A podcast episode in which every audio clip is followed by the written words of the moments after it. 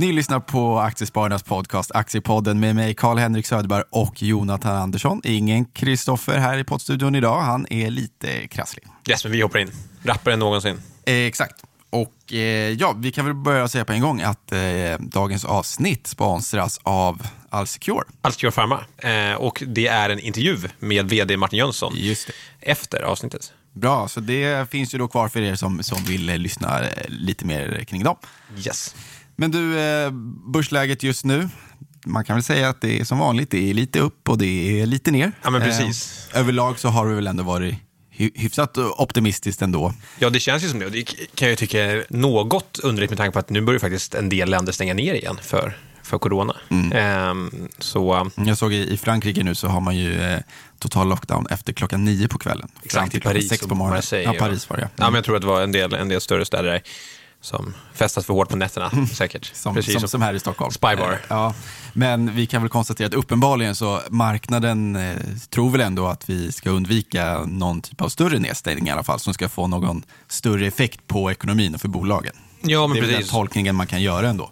Ja, och att vi kanske kommer få mer och hårdare, eh, fler, fler stim, stimulanser. Ja. Det kan nog vara så också.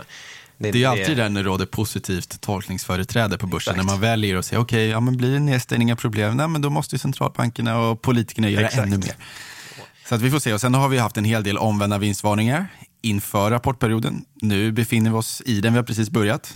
Volvo och Sandvik, två stora verkstadsbolag, har ju eh, kommit med, med bra siffror ändå. Mm. Även om man får säga att det har väl varit hyfsat väl inprisat ändå. Ja, men absolut. Och det stora grejen har väl varit så att analytikerna kanske drog ner estimaten lite väl mycket. Under Om- corona. om- under Ja. corona, precis. Vilket kanske Så, på något sätt, man kan väl försvara dem lite Absolut. med tanke på att bolagen i princip inte vågade ge någon guidance överhuvudtaget.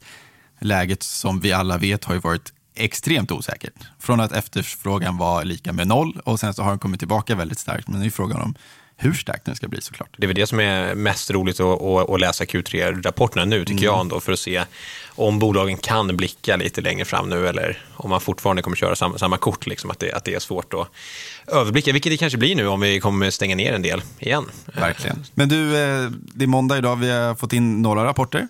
Just det. Av- Avanza kan ju vara värd att, att nämna. I varje fall kursrörelsen, som Mm. initialt var upp, jag tror nästan var 5% Och sen nu när vi går in i studien är den väl ner 5 Ja. Eh, Trots bra, bra siffror egentligen och rekordkvartal över hela, över hela linjen. Var det en återhållsam utdelnings... eh, Alltså delvis det, men jag tycker DI sammanfattar det ganska bra här på eftermiddagen. Att man liksom, eh, om man ändå blickar in lite i 2021, 2022 så är ju värderingen är ju väldigt hög. Jag tror jag var på 2021 års prognoser så är det liksom P, 40, P ja, runt P40 och man handlar liksom EV, ebit om det var ja, 25 någonting. Alltså det är ju ganska höga multiplar. Eh, och det är lite så som de nämnde också, vilket jag kan hålla med om, att det förutsätter nästan att, att börsen går, går rätt bra eh, för, för ett sånt typ av bolag. Eh, och det, Eller ska den bara fortsätta att vara extremt svajig så att vi får högre courtageintäkter? Men vi kan väl, någonstans så behöver vi väl se kanske en typ av topp vad gäller den typen av intäkter. ja, Vi behöver rimligtvis tro att eh, aktiviteten hos småsparare bör rimligen vara lite lägre kommande månader än vad det har varit ja, från, från mars hit. ja, det känns lite så. Men å andra sidan kan man också vända på det och, och se att det var ju ett enormt kundinflöde. Ja, och det är ju absolut. imponerande. Det är, det är ju väldigt... Eller så Ja, här, det det, var- det, är ett fantastiskt imponerat. Mm. bolag, måste jag säga. Liksom. Det, sen kan man if- ifrågasätta eller liksom diskutera värderingen. Det, det är väl så jag tycker man kan sammanfatta. Och det är väl lite så eh, marknaden tolkar det också. Ja. Ehm, min, Och det ska man komma ihåg, visst en, en hög värdering i sig kan ju agera lite av en bromskloss. Men på sikt så vet vi att det är ju eh, förmågan att generera vinster som, som i slutändan driver en aktiekurs. Så man ska ju inte bli, bli allt för rädd för det. Och att bara undvika en aktie på grund av hög värdering har vi lärt oss att det är ju sällan en bra strategi. Utan det finns ju väldigt många fina bolag där ute med höga värderingar som fortsätter att gå väldigt, väldigt bra. Så det, jag vet inte om ordspråket eh, buy once, cry once gäller även här.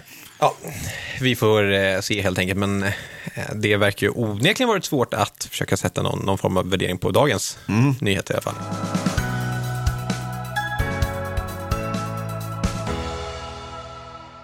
Intrum. Just det, De omvänd vinstvarning. Omvänd vinstvarning. Och vdn får gå, Mikael Eriksson. Ja. Snabb kommentar, det som jag noterar bara är att det är snabbare återhämtning i, hos tuffare marknader, typ Italien, Spanien. Eh, och, och Det är väl lite samma sak där. Det var väldigt låga förväntningar på dem. Eh, jag tror att det fanns en överhängande liksom rädsla för kreditförluster och liknande Såklart. saker, som, vilket är logiskt. Men eh, att, att det är samma sak som många andra omvända vinstvarningar. Att det har spelat ut sig lite bättre än vad, vad marknaden trodde. Och man kan väl säga att det är ett starkt kvartal mot, mot Q2 2020 fram, framför allt. Men de, de, de imponerar. Vad ska man tro om den här nya vdn då? För att som, som jag tolkar det så är det med att han, vad hette han då, vdn som var suttit? Eh, Mikael. Eriksson Just det. heter han. Han har mer varit den som har drivit på eh, tillväxten och fick ihop Lindorff-förvärvet om jag inte missminner mig. Yes, absolut. Och nu ser väl bolaget att de ska gå in i en ny fas kanske och kunna förvalta det de har lagt under sig och kunna på något det, sätt eh, det är min känsla också ja. lite att han... fortsätta effektiviseringsarbetet Ja, men och precis. på så är ju- sätt jobba på lönsamhetssidan kanske. Lite Ja, också. exakt. Och det är ju CFOn som, som kliver in. Det kanske liksom tyder på att de kommer vara något mer försiktiga kanske. Mm, Eh, är min, min känsla också. Jag, jag tror att de kommer jobba ner eh, skuldsättningen som många har pratat om. Det. Ehm, tror att det kommer vara ett viktigt nyckeltal att kolla på fra- Mm. framöver. Jag tror att de kommer fokusera mycket på det, vilket kan vara ganska klokt. Nej, men jag, jag tror det kan vara ett ganska, ganska naturligt steg efter en sån här tillväxtfas. Att jobba lite Mm. mer defensivt kanske. Jag vågar inte på med någon typ av rekommendation på det här bolaget. Nej, lite men, koll. men eh, absolut. noterar den starka kursrörelsen i alla fall. Absolut, upp 12 procent, Ja. glömde vi säga.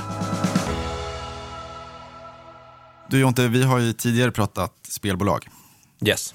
och eh, jag måste säga att du har haft väldigt rätt. Till slut ska ju tilläggas dock. Ja. Jag, var, jag var lite för tidig, eh, um, så jag hade ju fel i början. Men nu verkar ha spelat ut sig lite bättre. Ja, jag tänker och- framförallt på Kambi kanske. Ja, du och jag pratade mycket NetEnt innan de blev uppköpta. Yes.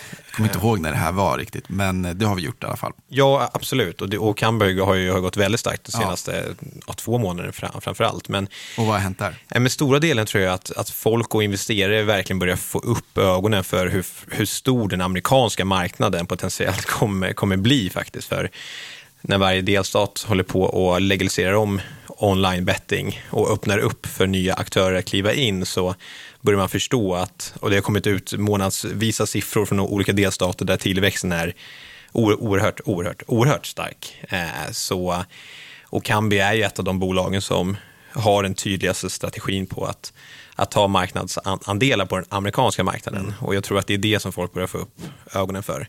Ja, jag skulle säga det är väldigt många som har fått upp ögonen för det. Absolut, Det är ju absolut. liksom typ hela grejen just nu. Jo, men det är ju lite det. Online-penetrationen i USA. Ja, exakt. Och det är lite Den ska det. gå från 3% till vadå, 50 som den är i Ja, Sverige. nej men precis, det, det är väl slu, slutmålet och det är väl, eh, alltså det är ju långt, långt dit, men med tanke på att man förväntar sig att den amerikanska marknaden kommer vara, ja, jag tror det om det är tre gånger så stor som den europeiska, så tyder ändå på att det finns en stor potential där borta. Verkligen. Och- Och, en liten värderingsskillnad har vi också då i kanske då amerikanska peers Absolut. exempelvis som man inte kan låta bli att titta på. Typ Nej, DraftKings eller vad det exakt. heter, som Ja, men- kan värderas. Vet inte vilken premiumvärdering de har gentemot svenska Nej, men det är, sektorkollegor. nej, men det är helt enormt.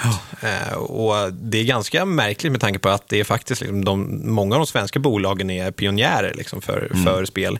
Är det ESG som ligger bakom online. det här? Eller? Alltså ESG-flöden har nog varit en sån sak Just som har i tryckt Europa ner och kanske aktierna. i Sverige i synnerhet. Absolut, absolut. Men jag tycker det är, för mig som gillar sektorn så tycker jag det är kul att de börjar få en lite mer motiverad vär- värdering. Eh, Sen, Så man ska inte bli eh, livrädd trots att den har mer än dubblats? jag tycker absolut inte det, för precis som du är inne på själv så är det ett stort värderingsgap mellan eh, de, de svenska mot både om du kollar på Storbritannien har en del Okej. bolag Mm. där som har betydligt högre värderingar också. Även om de är lägre än USA som har den tydligast högsta värderingen. Eh, men jag tror absolut att det finns mer att, att, att hämta där.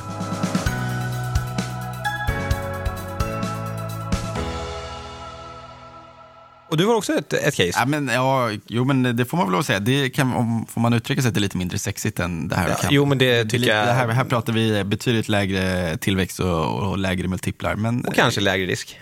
och kanske lägre risk. Det är exakt, det är, det, det är väl det som är grejen. Yes. Academedia, Shoot. en eh, digital vinnare i skolbänken. Vi catch it. Och jag kan ju säga att Academedia är ju då en eh, fristående utbildningsaktör som har varit på börsen nu, vad kan det vara, tre, fyra år. Ehm, har väl gått eh, un, ungefär som börsen. Men jag kan ju tycka att det här är en ganska attraktiv placeringsmöjlighet. Du får en ocyklisk, eh, delvis strukturell tillväxt också. Växer organiskt ungef- ungefär 5% per år och eh, har varit duktiga på förvärvsfronten också. Så att du har kunnat få en tillväxt per år kring, kring 10 procent. Och det finns väl egentligen ingenting som säger att de inte ska kunna fortsätta växa. Framförallt den, det tyska benet ses väl liksom som, som väldigt intressant. Tillväxtcaset. Eh, ja. Och sen så har de ju liksom, de har vuxenutbildning som fortsätter att ticka på bra. Bolaget kommer med en omvänd vinstvarning för, för knappt två veckor sedan där de bland annat kunde påvisa det, att det här vuxenutbildningssegmentet växer på bra. Så att, nej, men alltså jag tycker att det är, eh, det är ändå ett, ett fint bolag som har gjort en, en bra resa, eh, där jag tror att de har lämnat botten vad gäller marginalerna, som tidigare liksom har, har hämmat aktien trots den här ändå relativt fina tillväxten för den här typen av business, så har man ändå haft lite problem med att få det att rinna igenom hela vägen ner till, eh, till nedersta raden i resultaträkningen. Och det, det, kan ju, det har ju liksom berott på Dels vet jag att man har problem med Arbetsförmedlingen och att även hö högre lärarlöner har släpat efter och det har medfört vissa liksom, kortsiktiga problem i verksamheten. Men det här känns som att det borde kunna vara, för jag har för mig att de är ganska starka på digitala utbildningar och sånt också. Exakt. Eh, ja, det borde ju kunna vara en eventuell ja, men långsiktig covid-19-vinnare då, om man säger, ja, ja, säger så. Alltså det, det, känns som att, att, att trenden och framförallt in, intresse för att hitta digitala lösningar inom, mm. inom både vård men också utbildning är oerhört mm. Ja, och, och, och, helt plötsligt kan du få en skalbarhet i det här. Om man tänker att en lärare kan undervisa tusen elever mm. istället för 50 på plats. absolut såklart att, att, att det kan, eh, jag menar, det leder ju rimligtvis till lägre, till lägre kostnader och för ja, definitivt. lokaler om inte annat, ja. eller fler lärare. Så att, eh, Framförallt kanske en tillväxt utan kostnader som följer med Exakt. på samma sätt. Mm. Och en sån skalbarhet gillar man ju i affärsmodeller. Det gör man ju. Ja. Så att, eh, nej men, alltså, de handlas till P typ eh, 13-14 på nästa års vinst.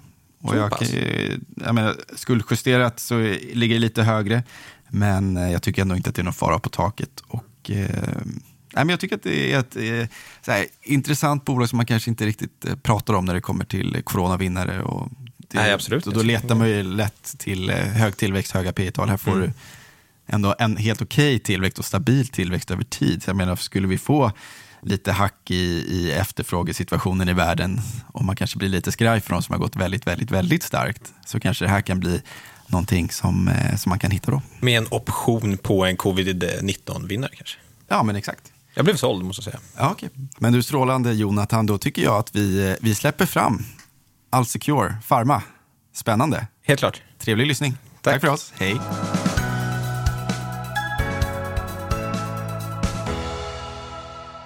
Ja, vi går över till ett sponsrat inslag här i Aktiepodden. Som, och idag är det Allsecure Pharma som står för det. Och vi har finfrämmande från Landskrona-trakten i studion i vd Martin Jönsson. Varmt välkommen! Stort tack! Mycket trevligt att vara här. Roligt att ha dig här. Om vi börjar med Martin, att du får berätta om din egen bakgrund och vad som har tagit dig till vd-rollen på bolaget. Absolut. Eh, jag har jobbat inom läkemedelsbranschen i över 20 år och eh, det är med att utveckla nya produkter och sedan att lansera. Och eh, jag är ju fascinerad av vetenskapen och gillar att verkligen jobba med produkter som gör en stor skillnad. Och att jobba med läkemedel är ju underbart med hänsyn till detta. Om vi då går in på bolaget, Alsecure Pharma lite mer och vad som är tanken med er verksamhet. Eh, på Alsecure Pharma så fokuserar vi ju på Alzheimers sjukdom och vi jobbar med, eh, primärt med projekt för att se till att man inte utvecklar Alzheimer och även om man då har utvecklat Alzheimer att vi kan hjälpa de patienterna som då har Alzheimer. Sen har ni ju olika grejer och har ett par plattformar. Så om du börjar med att berätta om dem och kanske lite extra mycket om Alstatin. Jo, eh, vi vill ju verkligen angripa Alzheimer från flera olika håll. Och då har vi ett eh, projekt som heter Alstatin som eh, går ut på att förebygga att man inte utvecklar Alzheimers sjukdom. Och eh, det gör vi genom att ha tagit fram en substans som motverkar att man utvecklar så kallade skadliga plack, amyloid beta eh, eh plack, som eh, förstör hjärnan. Sedan har vi också en annan plattform som vi jobbar med som heter NeuroRestore. Och NeuroRestore handlar om att vi vill hjälpa patienter som har utvecklat Alzheimer och det gör vi på det sättet att när man har utvecklat Alzheimer så får man skador på hjärnan och då har vi substanser som förbättrar eh, hjärnans eh, funktion och signaleringen i hjärnan. Och det är det som Neurostore gör. Så vi har ju gjort studier, till exempel eh, prekliniska studier, där vi har visat att äldre individer som får vår substans får återställt minne minst lika väl som eh, unga individer, alltså försöksdjur, som vi har då gjort studier på. Ja, Alsecure Pharma, Martin, mm. finns ju på Karolinska institutet i Stockholm. Ja. Och det finns ju en spännande historia som ja. ligger bakom att det här bolaget finns överhuvudtaget. Kan du berätta den? Absolut, eh, tack för den frågan. Jo, det är ju så att eh, Alsecure härstammar ju lite från AstraZeneca. Det var ju så att Astra var ju verksam inom det här området med Alzheimer en gång i tiden för väldigt länge sedan. Men då la de ner den eh, forskningen och då var det så att det finns ju en professor, Bengt Winblad, som är en världsauktoritet på det här området som finns vid Karolinska institutet. Och han tyckte ju det var jättesynd att eh, så duktiga forskare skulle sluta med det här jobbet.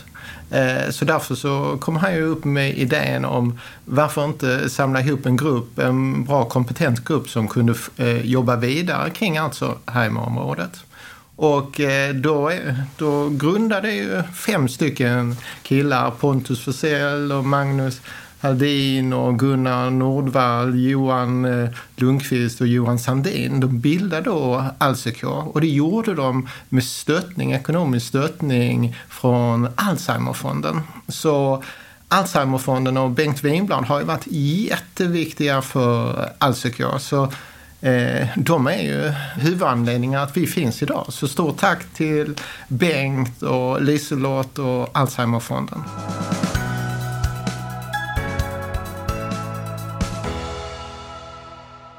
Om vi då kollar på utvecklingen i era olika projekt, vad tycker du sticker ut allra mest? Ja, vi har ju en fantastisk eh, pipeline med olika projekt och de har ju gått lite olika långt. Det projektet som har gått längst det är ju vårt Neurostore-projekt eh, eh, som är i klinisk fas, ACD 856. Och det är ju då för att förbättra minnet och det känns ju väldigt, väldigt viktigt. Och det har vi genomfört en studie här i år. Eh, vi fick positiva resultat och förbereder nu nästa studie. Eh, så det är jätte, jättelovande. Ni har ju även en diversifiering i portfölj som vi har varit inne lite på tidigare här Martin. Kan du berätta mer om den? Ja, som sagt vi har ju våra olika Alzheimer-preparat som vi pratar om. Eh, men vi har ju också faktiskt smärtpreparat. Eh, för det är ju så att vi jobbar ju med substanser som förstärker eh, nervernas signalering. Och när vi då jobbar med att hitta substanser som hjälper till med det här så hittar vi ju då också substanser som kunde hämma signaleringen. Och då är det ju så att i samband med att man har smärta så är det ju i vissa fall så att man har för stark nervsignalering och då har vi tagit fram substanser som eh, eh, eh, som modellerar ner, som sänker signaleringen och därför eh, smärtupplevelsen. Så det är vad vi jobbar med. Så vi har ju en, en spännande portfölj. Och sedan är det ju så också eh, våra eh, olika projekt som Neurostore som är för minne och så, de kan man inte eh, bara använda för Alzheimer. Därför det finns ju även andra sjukdomar där man har minnesproblem som Parkinson, sömnapné och traumatisk hjärnskada etc. Och vi har faktiskt också studier som har visat att vi kan påverka positiv riktning när det gäller depression. Så vi ser ju jättemånga spännande eh, möjligheter för bolaget. Men nu så fokuserar vi primärt på Neurostore, Alstatin och eh, eh, smärtprojekt.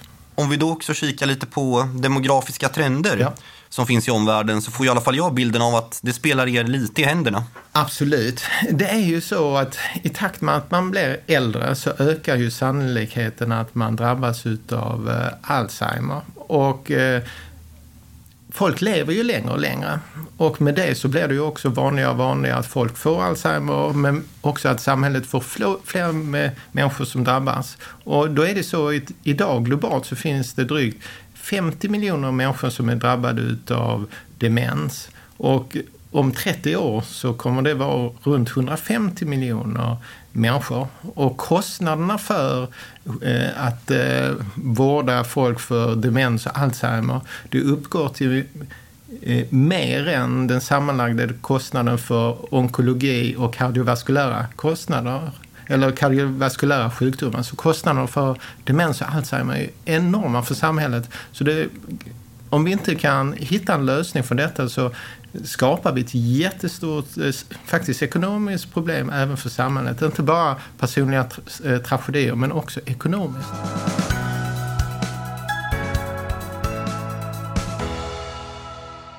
Vad tycker du då Martin är det mest spännande som ni håller på med just nu? Jag tror du tycker att allt ni gör är spännande på något sätt. Men om det är någonting du ändå får berätta lite extra om som är aktuellt i nuläget?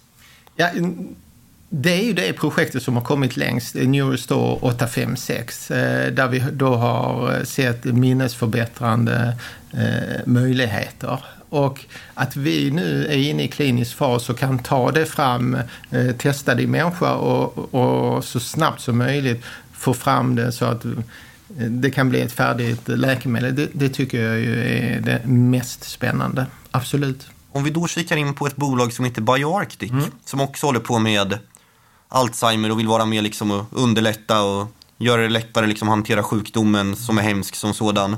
Vad är det för skillnader på er två och lär ni er av varandra eller hur, hur funkar det? Vi lär oss absolut av varandra och ska man eh, prata om eh, området generellt så görs det relativt mycket forskning inom Alzheimer och eh, vi har ju lärt oss mycket med tiden. Det är mycket forskning som har gjorts som inte har, eh, vad ska vi säga, många läkemedelsprojekt som inte har lyckats. Men nu så har man då byggt upp en jättebra kunskapsbas och nu verkar det som att det ser ut som att det är lovande projekt. Om man tittar på BioArctic och vårt projekt Alstatin så fokuserar de båda på det här ämnet amyloid beta. Och amyloid beta eh, 42 eh, bildas i hjärnan och eh, utvecklar toxiska ämnen och bildar koagulationer. Och mm, när detta händer så talar man om amyloidkaskaden. Och då är det så att BioArctic är ju en antikropp och de fokuserar längre upp i kedjan när man har utvecklat de här skadliga ämnena och oligomerer och protofibriller. Eh, vad vi gör det är att vi eh, fokuserar på att eh, man inte ska utveckla de här ämnena. Så vi eh, angriper källan. Vi angriper att man inte ska producera eh, amyloid beta 42 eller minskar eh, produktionen rättare sagt. Så vi angriper källan. Sedan är det ju så att Eh, Bioartic har ju en antikropp, ett biologiskt läkemedel. Och det ska man ju då, tanken att man ska åka till sjukhuset och få en infusion eh, var 14 dag eller eh, någon gång i månaden. Eh, men vi eh, utvecklar istället en tablett som man ska kunna ta hemma för att det ska vara så enkelt som möjligt för, eh, för patienten. Och vi har en små molekyl eh, och det har inte de, så det är, det är skillnaden. Vad är då eh, ert bolags målsättningar på lite sikt, Martin? Eh, först och främst är det ju nu att följa upp våra lyckade studier eh, och sätta igång nästa studier inom området så vi kan gå vägen fram för att utveckla ett läkemedel. Det ska vi ju då göra på Neurostore och sen ska vi också göra det på ett av våra smärtprojekt, ACD 440. Eh, sedan så har vi ju ett annat smärtprojekt också, eh, Trakanam, som vi är på väg att ta in i preklinisk fas. Där vi jobbar på att få fram eh, effektdata. Och eh, sen jobbar vi ju hela tiden med eh, partnerskap. Därför det är ju det som är vår affärsidé. Vi är ju ett svenskt biotech, läkemedelsföretag som har grundidén att vi utvecklar eh, läkemedel från tidig idé in i tidig klinisk fas. Och sedan när vi har kommit in i klinisk fas så söker vi partnerskap för att andra företag, eh, Big Pharma, ska eh, licensiera vår produkt och kommersialisera dem. Avslutningsvis Martin här. Mm. Hur vill du skapa aktieägarvärde för Allsecure Pharmas aktieägare? Eh, genom att ta fram läkemedelsprojekt som, eh, som tar tag i stora så kallade unmet medical need, där det finns jättestora patientbehov och komma fram med eh, läkemedel som är få sidoeffekter och, eh, och eh, bra effekt och kunna sälja de här projekten till andra läkemedelsbolag. Och vi ser ju att de projekten som vi kör, där är jättestora så kallade unmet medical needs och de affärerna som görs, det, de, det som eh, läkemedelsföretag betalar för att inlicensiera produkter som vi har till exempel, det är ju det är ju mångmiljardbelopp som de är villiga att betala för det. Så ett projekt kan bli värt hur mycket som helst. Det är ju något eh, oerhört alltså. Martin Jönsson, VD på Allsecure Pharma. Stort tack för att du kom hit och all lycka framöver med din egen och bolagets utveckling. Stort tack David, trevligt att vara här. Tack Martin, ha det fint. Tack.